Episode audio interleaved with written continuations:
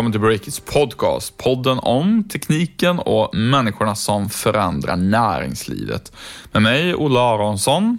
Och med mig, Stefan Lundell, eh, som ska berätta att i den här podden ska vi faktiskt avslöja vem vi tror köper Klarna och vi tar också ett rejält grepp på H&M's kvartalsrapport. Eh, är det ett gigantiskt sparpaket som är lösningen på klädjättens digitala problem, frågar vi oss. Och så har vi fått fram helt färska och faktiskt glädjande siffror eh, om den svenska podcastindustrin, i alla fall om man är en del av denna. Mm, jätteintressant tycker jag. Det skulle vi höra om det.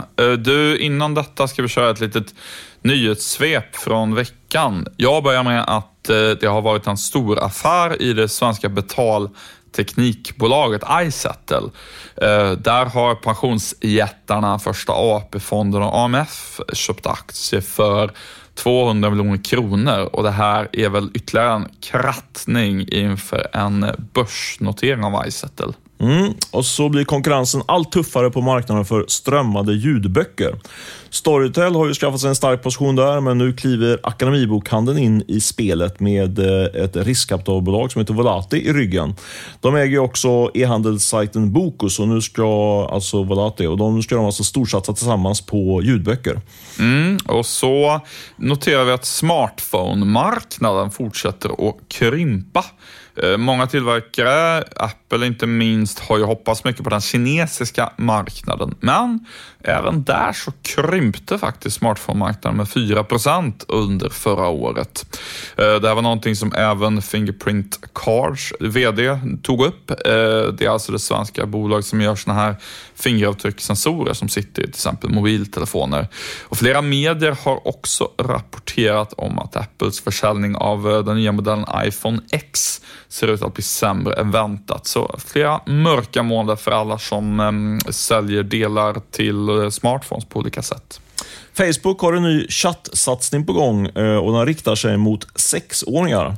Eh, det här får nu rätt eh, skarp kritik av bland annat hälsoexperter som menar att det inte riktigt är sunt att rikta in produkter mot så små barn. Mm, det kan man ju förstå. Du, till sist en nyhet om så kallad vobbande som jag tror mig veta är ganska vanligt bland många startups.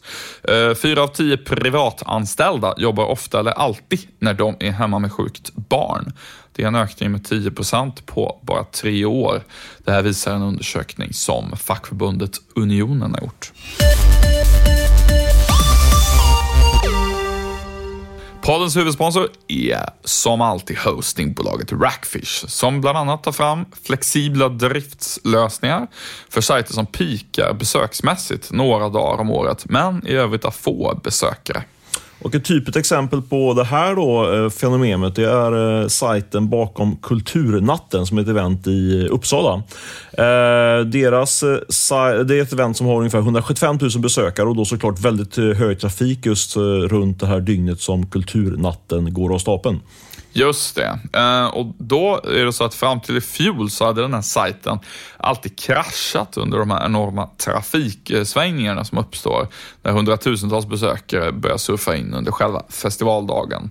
Men 2017 så tog Rackfish över driften vilket bidrog till att sajten för första gången faktiskt stod pall. Eh, dessutom ökade sidvisningarna med 37 procent och sidinläsningstiden, alltså tiden tar att ladda sidan i webbläsaren helt enkelt, den halverades jämfört med 2016. Så är det. Rackfish tog fram en lösning där driften är väldigt kraftfull under just den här månaden då som eventet går live. Eh, men eh, lite enklare lösning då under de andra månaderna och därmed blir driften billigare. Exakt. Och vill du läsa mer om vad Rackfish gjorde för Kulturnatten Uppsala så kan du gå in på eh, www.rackfish.com molnserver. Tack Rackfish! Sveriges modegigant H&M har ju kommit med eh, kvartalsrapport här någon timme innan vi spelar in det här på onsdagsmorgonen. Eh, det är en rapport som vi på Breakit har lagt mycket tid på att bevaka. Det gjorde vi inte för ett år sedan riktigt. Hur tänker du Stefan som innehållschef på Breakit om det? Mm, det är bra att du ställer mig mot väggen. Eh, vi har ju genomfört en eh, breddning utav sajten. Vi drog igång eh, Breakit med ambitionen att kyrkan mitt i byn för den svenska tech och startup-industrin. Men, eh, och då låg då mycket fokus på de bolagen kan man säga som utmanade det traditionella näringslivet. Nu har vi gjort en breddning av sajten och tittar även på de som utmanas kan man förenklat säga.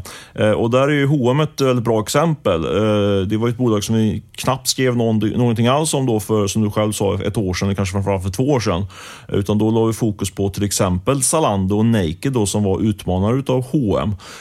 Men nu tycker vi det lika intressant att fästa blicken på hur utmanaren agerar. Vi tittar då framförallt på hur H&M agerar digitalt kan man säga. Så det är väl den eh, ganska långrandiga förklaringen till varför vi skriver så mycket om H&M den här morgonen. Mm. Du, vad tyckte du var mest intressant då i den där rapporten?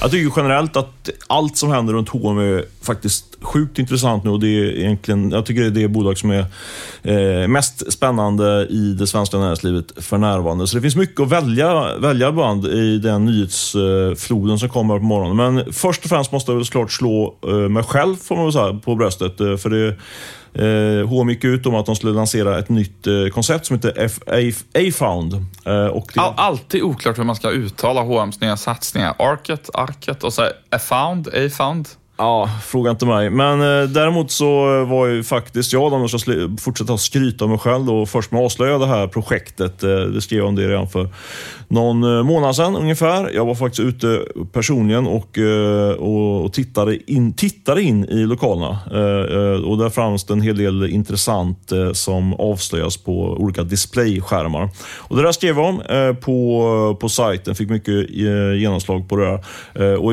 förenklat kan man säga att det handlar om att H&M ska lansera en sajt, e-handelssajt, där man ska sälja dels sina egna varumärken, men framförallt då andras varumärken. Och de här ska vara till ganska stor rabatt. Då. Så det blir en, eh, en rabattprofil eh, på den där sajten. Sen kan man också ha eh, eh, egna butiker som är kopplade till det. Det hade jag däremot inte i mitt avslöjande, ska jag väl lägga till. Just det. Man kan väl säga så här då att eh, H&M ska lansera en väldigt stor digital, framförallt då marknadsplats, men också fysiska butiker där de säljer andras varumärken. Det är ju en modell som ganska många andra har provat eh, tidigare på lite olika sätt, men det är klart att när H&M gör någonting blir det liksom större, större och tyngre. Mm, jag tänkte återkomma kort till vad jag tror om det, men innan dess så du frågade mig vad det var för nytt och spännande i rapporten. Det jag tycker man måste eh, lyfta fram då, om man inte bara tittar på de, på de hårda försäljningssiffrorna som var ganska ned, vad säger man, nedlyftande. Det var eh, inte något vidare positivt helt enkelt. De har ju svårt att få fart på försäljningen H&M. Men om man bortser från det då, som är liksom en form av grundproblemet, då, så, så gör man ju i praktiken en nyemission och Det görs genom att man låter låter de nuvarande aktieägarna välja om de vill ta utdelningen i pengar eller om man vill ha nya aktier i H&M. Och Då har ju familjen Persson, som är den stora ägaren till eh, Hennes och Maurits, de har ju flaggat för att de kommer att ta aktier istället. Så i, i praktiken så kommer det att innebära att H&M får in eller sparar ungefär 10 miljarder kronor. Det är en, det är en stor sak. Och, det, och Framförallt då hur man motiverar den här den här om man säger, abrovinken av utdelningen. Och det är för att man ska klara eh, investeringarna i, eh, i ny teknik, helt enkelt digitaliseringen. Mm. Så det är väl, eh, får man ändå säga, ett tydligt kristecken då för, för H&M som jag tyckte var kanske det mest intressanta i rapporten. Vad tror du kommer hända nu då? Alltså nu på det korta perspektivet så, så är det mycket fokus på, på den digitala strategin och man i, i den här, med den här eh, ut, utdelningscirkusen, eh, eller vad man ska kalla det, så, så sparar man in en del, hel del pengar för bolaget. Men jag tror ändå att det ligger i farans riktning att det kommer att komma ett större sparpaket eh, i H&M i, under det här året. Jag har pratat med, med folk som, har ett, som normalt sett brukar ha bra insyn i, i den här typen av förlopp kan man säga och som också är rätt stora ägare H&M. Och de menar att eh, i första läget så, så krävs det någon form av konsultstopp, alltså att man inte bör köpa in, köper in eh, lika mycket konsulter som man gör i dagsläget, för lönsamheten är för dålig. Och sen så är det då dålig lönsamhet i det befintliga butiksnätet. Då. Så där måste man öka lönsamheten och då finns det egentligen bara en väg framåt och det är att minska antalet medarbetare, hur krasst det än kan låta. Och den, den jag pratar med, nu vet jag inte det, om man ska ta den siffran Eh, så bokstavligt, men Han nämnde en siffra på uppåt 10 000. Han tyckte det var en rund och bra siffra som sätter målet för hur man ska kunna eh, fokusera på det här besparingspaketet. Då, liksom. Just det. Men eh, min, min huvudpoäng är helt enkelt att jag tror att det kommer att krävas eh, tuffare åtgärder än att man, än att man tittar på utdelningen. Liksom. Det ska bli intressant att se då tycker jag hur de där eh, själva hyresavtalen ser ut på butikerna som H&M har runt om i världen. Vad kostar det att köpa sig ur dem? Eh, hur långa avtal har de skrivit på alla butiker de har? De kan tänkas vilja lägga ner. Lokalkostnaderna är ju säkert väldigt stora också. Eh, men du, det känns som hårda bud framöver för H&M i stort. Vad tror du om det här nya A-found, eller A-found, hur man nu säger? Ja, det lär ju knappast vara räddningen för H&M. De har ju kört, eh, kört en hel del sådana här projekt. Det är väl det tolfte eh, nysatsningen som man gör. Och Det enda som har riktigt flugit är ju det här KOS som, eh, som omsätter sig sådär 10 miljarder. Det är ju en, en, en framgångshistoria eh, får man säga. Men alla de andra bolagen har ju liksom aldrig eh, tillfört någon substantiell omsättning till, eh, till H&M's eh, kärna. Eh, och Det här känns ju som liksom någon form av en Zalando-kopia och det här Campadre, som, eh, eller kanske Fyndik, som säljer liksom, eh, eh, kampanjer över, eller saker som blivit över på de stora märkena. Eh, så dumpar man dem på en sån här sajt. Eh, och Det känns ju några år för sent kanske att komma med en sån, en sån lösning. Eh, nu gör, när H&M gör någonting så, så gör de det stort och, och har ju stora, har liksom en potential att få fart på en sån, här, en sån här verksamhet mycket mer än många andra som, som försöker alltså på samma sak. Men jag tror ändå att det är lite sent påkommet. Eh, sen är det också en riktigt sån lågmarginal business det här. Alltså, de som är vinnare i handeln idag, det är de som satsar på egna varumärken. Eh, där finns ju de, de goda marginalerna. Det ser man ju till exempel då på Naked som har väldigt bra fart på sin verksamhet. Och jag tror att man skulle titta mer kanske på Naked än, än Zalando när man ska komma med den här typen av nysatsningar. Vad tror ja. du själv?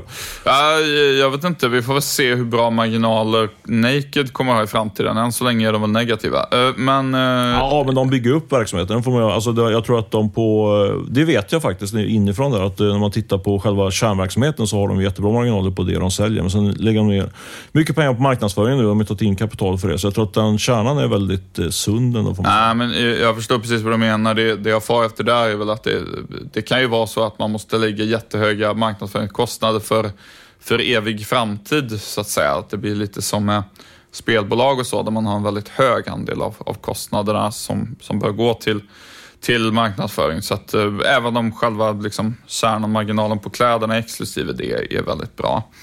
Men om vi tar själva mm, det här hm caset att så att säga man bör satsa på egna varumärken, tycker du, istället för att man är en plattform där man säljer andras varumärken. Hur ser du det perspektivet på Amazons affärsmodell? De ägnar sig primärt åt att sälja mycket åt andra. Jo, men eh, alltså med all, eh, all respekt för H&M så befinner sig Amazon på en, på en annan planet kan man säga storleksmässigt. Liksom. De har ju en otrolig skala på sin verksamhet. Så de, de har ju gått all in på, eller inte all in, men en, en viktig del av deras eh, Eh, verksamhet är den här marketplace, att man, att man eh, kränger iväg andra varumärken eh, i väldigt stor skala. Sen ska man ju säga också att Amazon är ju duktiga på, eh, på att samla in datan kring den här försäljningen och även då ser de att det är några riktiga storsäljare så är de rätt snabba på att kopiera dem och sälja under egna varumärken där de har betydligt bättre marginaler. Så jag tror att den jämförelsen är väl, eh, ja, kan man väl göra. Men jag tror, jag tror att uh, H&M kommer inte, eh, har inte liksom samma potential som Amazon i det här fallet. Just det, så därför tänker du att om man inte är liksom Amazon som nästan kan agera som en monopolist på den amerikanska e-handelsmarknaden, då, då kan man lika gärna släppa den modellen och satsa mer på egna varumärken så att säga. Ja, det är vad jag, lilla jag säger, men det ska inte lyssna för mycket på. Det är bara en, en, en reflektion som jag har. Det är många som har ägnat eh, många, många timmar åt att analysera det här. Inte minst Carl-Johan Persson, så det är väl han som sitter med, med det bästa svaret. Men jag, jag tror inte så speciellt mycket på den där idén, men det var kul att breaka den först på, på break i alla fall. Du, eh, vidare i podden. Vi, ska, vi Klarna är ett annat bolag som vi hårdbevakar, förutom H&M och eh, nu snackas det om att de ska gå på börsen. Du och Eh, vår kollega Jonas Lange har ju inför de här inför den här stundande börsnoteringen roat er med att spekulera vad som händer om de inte går till börsen, om de köps av någon annan spelare istället. Vad, vad har ni kommit fram till? Jo, eh, vi kan börja med då att säga att enligt källor till både Breakit och Svenska Dagbladet så förbereder ju sig Klarna för någon typ av så kallad exit, alltså antingen en börsnotering eller en försäljning av hela bolaget. De kör två spår där och eh, Eh, då har jag och Jonas gjort så att vi har faktiskt chattat på meddelandetjänsten Slack med varandra och det där ledde fram till en, en artikel där vi eh, helt enkelt spekulerar, resonerar, diskuterar vilka som skulle kunna köpa hela Klarna.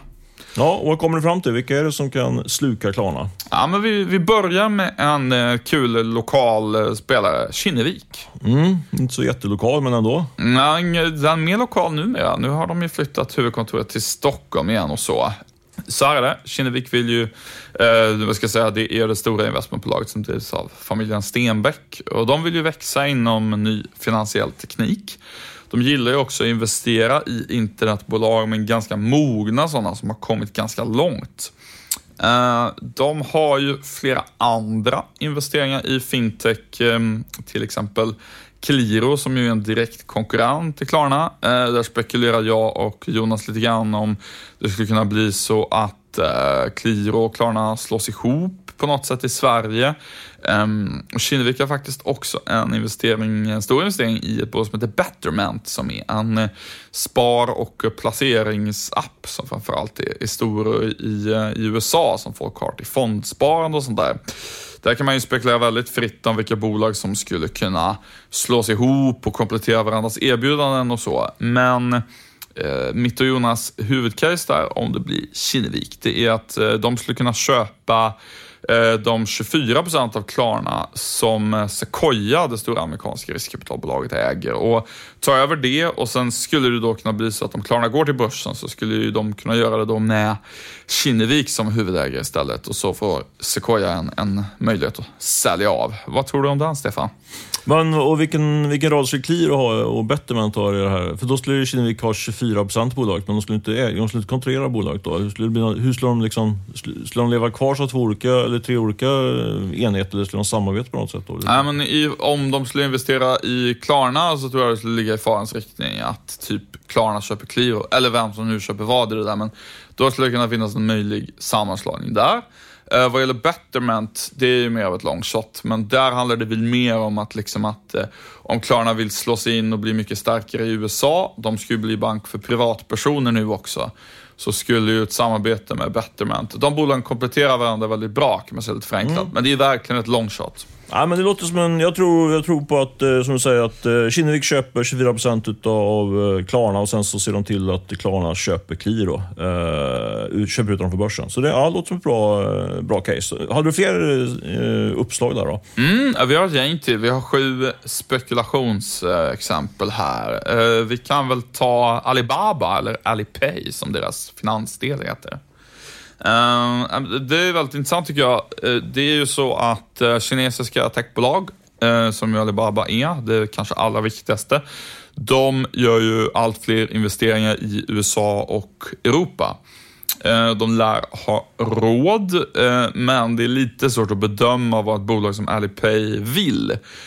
Vad man kan säga då, det är att om man vill slå sig in på den europeiska betalmarknaden för e-handel på allvar, då kommer man vilja få ett starkt fotfäste på den största marknaden som ju är Tyskland. Och sen Klarna köpte Billpay och um, tidigare förvärv de har gjort i Tyskland så har ju de en väldigt, väldigt stark position där och där kan man väldigt tydligt se att uh, Alipay kanske tycker att okej, okay, vi vill på allvar liksom ta den här marknaden men det blir för jobbigt för oss om vi som asiatiska aktörer ska bygga upp det mer från grunden, då kan det vara enklare att köpa eh, ett betalbolag för att liksom ta den europeiska e-handelsbetalmarknaden. Och då är ju Klarna det mest logiska förvärvet där. Okej, okay. är det större, större chans att eh, den affären kommer i målen än att Kinnevik gör den här? Nej, jag, de bedömer jag nog... Eh, nej, men jag tycker nog Kinnevik ändå känns lite mer logiskt. De 24 procenten där som Sequoia äger. Mm. Fler potentiella tagare? Ja, det här är Jonas spaning. Eh, han har pratat med många källor som har bra koll på Klarna och eh, då har de sagt att om det är någon storbank i Sverige som skulle köpa Klarna så tror han att det skulle vara Handelsbanken faktiskt. Det är ju en storbank med väldigt mycket pengar och hög lönsamhet, men som ligger mycket efter eh, digitalt. De satsar ju fortfarande mycket på att ha eh, lokala kontor och så. Eh, de har testat en egen Klarna-klon, så de har liksom visat intresset eh, för det där sedan tidigare. Eh, har också mycket verksamhet i Storbritannien, vilket ju också Klarna i varje fall försöker ha. Eh, men i en mening så är, handlar det caset helt enkelt om att eh, de ligger så pass mycket liksom efter så att eh, det enklaste för dem om de kommer på att nej, men nu måste vi komma ikapp digitalt här, det vore att köpa Klarna som ju riktar in sig på att bli ja, den framtidens privatbank så att säga. Och sen så har vi ett gäng andra case. Eh, Softbank har vi pratat om. De har sagt att de vill investera i fintech-betalbolag. Eh, det är ju en japansk spelare med eh, 7000 miljarder i världens största techfond. Eh, skulle ju alltid kunna bli ett förvärv. Och sen har vi de vi har droppat tidigare. Paypal, Ikea, via Ikano och så vidare. Men... Nu har vi snart rabblat upp alla i hela världen. Du måste du bestämma dig. Alltså, lite, äh, vem, äh, vem, vad tror du? Om du skulle dra, vad, liksom, vad är ditt, uh, ditt hetaste tips? Uh, jag skojar lite med det. Det, alltså, det är initierat, uh, en initierad genomgång här. Men om, om jag tvingar dig att, peka ut det mest troliga, vad pekar du på då? Nej, men till att börja med ska jag bara säga en lite intressant spaning apropå det där är att um, enligt eh, mm, Jonas, när han har bollat det där, har varit att eh, han tror fortfarande att börsen är det mest logiska just för att Sebastian Siemiatkowski liksom är bolaget så mycket. Så det var Jonas inspel där. Om du frågar mig så tror jag på ett uppköp och mitt stalltips det är Um, nog uh, antingen det här Kinnevik köper 24% via en börsnotering. Nej, ett tips du kommer, inte två nu. Ja, men okay, men, ja, men då tar jag Paypal, men det är för att det är så tråkigt som jag inte ville ta det. Men, att Paypal köper pay, hela Klarna? Eller? Pay, ja, Paypal mm. köper hela Klarna fortfarande. Den tar vi som nummer ett då. Mm. Uh, och sen sätter vi Kinnevik som nummer två och sen så Ikea via Ikano fortsatt med in bubblare. Och Jonas tror på börsen. Mm. Spännande genomgång. Eh, vi får se var det slutar någonstans. Eh, jag kan bara addera till att jag, när jag frågar kring det här eh, huruvida Klarna verkligen slutit börs eller inte, så fick jag höra nu att, ja, är det verkligen så? Jag börjar, jag börjar tveka lite grann på, den här börs, på de här börsuppgifterna. Lite grann eh, internt börjar jag ifrågasätta våra källor. Men vi får se.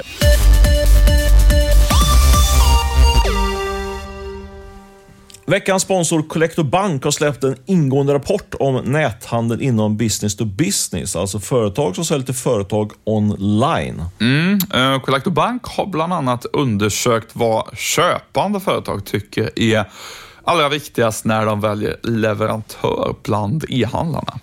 Precis, och på ohotad första plats ligger faktiskt eh, snabb leverans, det är det man allra helst vill ha.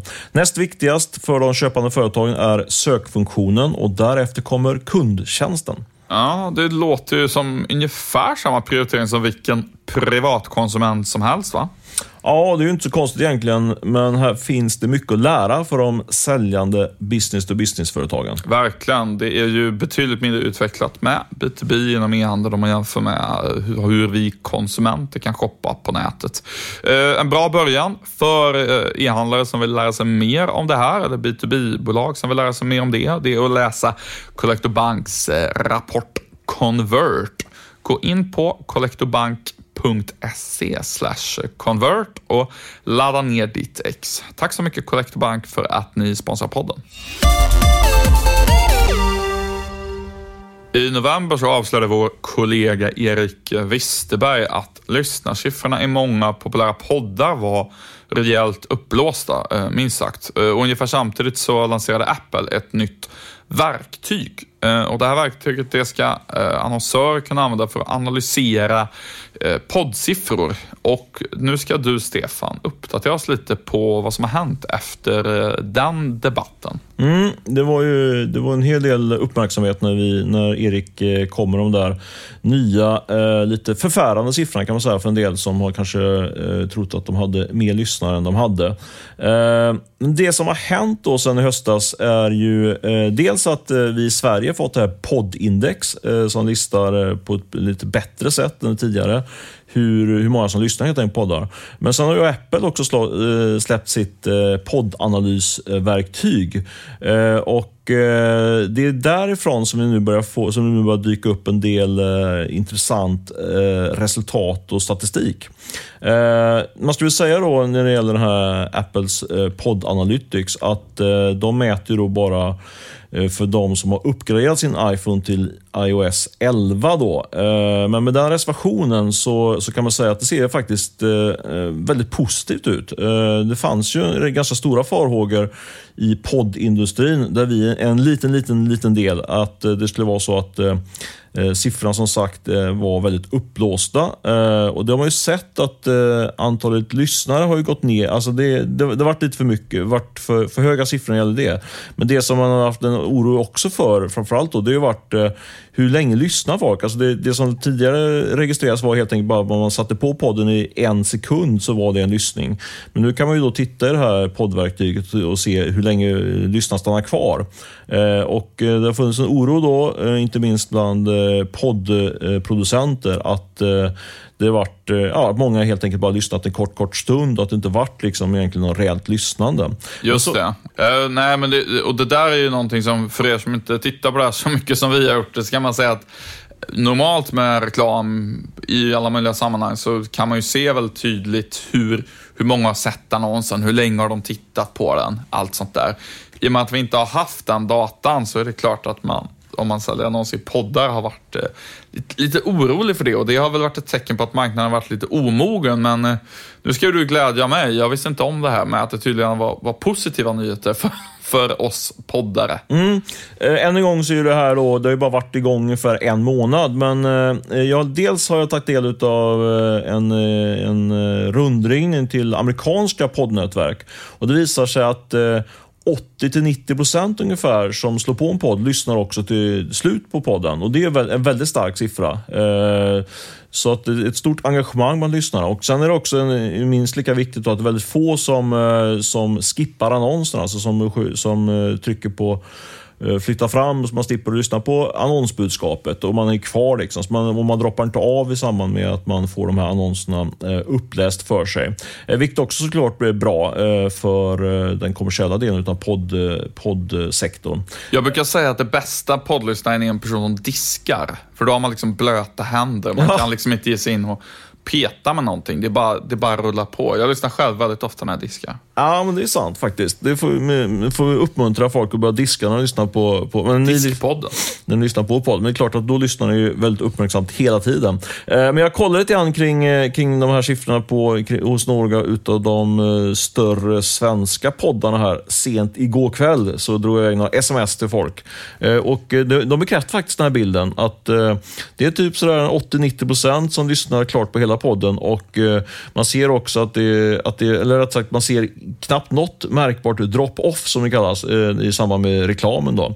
Så det där är sammantaget så det är första indikation då på att eh, på att poddmarknaden är robust, får man säga. Och att jag tror att, det tror jag i alla fall i den här personen som har gjort undersökningen i USA och skrivit en artikel om det här i i Wire, tror jag det var, eh, att det här kommer driva ännu mer eh, annonspengar till, eh, till den redan heta poddmarknaden. Så det är ju ja, intressant spaning, får jag säga. Ja, men det låter väldigt bra och jag tycker också att det låter ganska logiskt om man utgår ifrån hur man själv lyssnar på poddar och hur folk som jag pratar med lyssnar på poddar.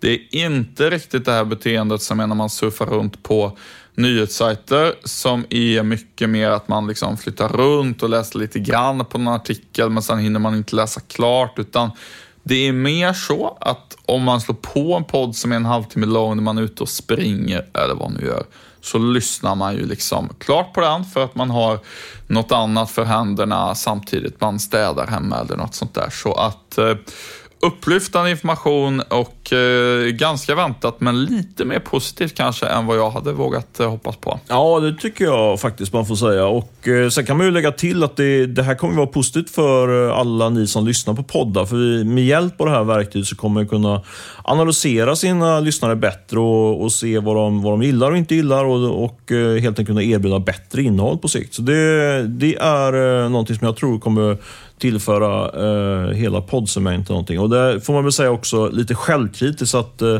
vi har ju själva faktiskt inte riktigt gått in och analyserat de här siffrorna. Vi ska göra det så snart som möjligt och eh, jag ger oss härmed lite hemläxa. Så vi ska hem och analysera och sen ska vi försöka förbättra vår podd ytterligare. Jag, jag ger också Apple lite hemläxa från att man måste använda ett visst Apple-ID för att komma åt den här statistiken, vilket innebär att alla måste typ vara inne på min användare för att kolla det där. Jag har försökt dela ut, dela ut tillgången till dig eh, så att du också kan titta på det, men det funkade liksom inte. Det är en betaversion, men just den funktionaliteten hade de väl kunnat ha så att man inte måste ha tillgång till min personliga mobiltelefon för att komma åt våran, våran eh, eh statistik där. Um, en kul, en kul sidogrej är här är ju att eh, vi jobbar ju med, eh, liksom, i teknisk mening är ju våra podcastbudskap helt integrerade, men de som jobbar med en Acast-liknande modell där det liksom skjuts in mer tekniskt, eh, mer som radioreklam. Då är ju frågan när de första podcast-ad-blockern kommer. För det kanske man kommer kunna göra rent tekniskt om man använder sig av sådana annonser. Det, är, det ska bli intressant att se om det redan finns eller om det kommer. Mm, det ser jag inte fram emot jättemycket eh, av rent kommersiella skäl. Men eh, hur som, eh, vi ska härmed eh, avsluta podden. Vi ska först tacka såklart vår huvudsponsor eh, Rackfish och vi tackar också Beppo ljudproduktion som hjälper oss att klippa den här podden. Eh, vi hörs om en vecka och sen får ni surfa runt på Breakit på daglig basis fram tills dess. Ha det bra!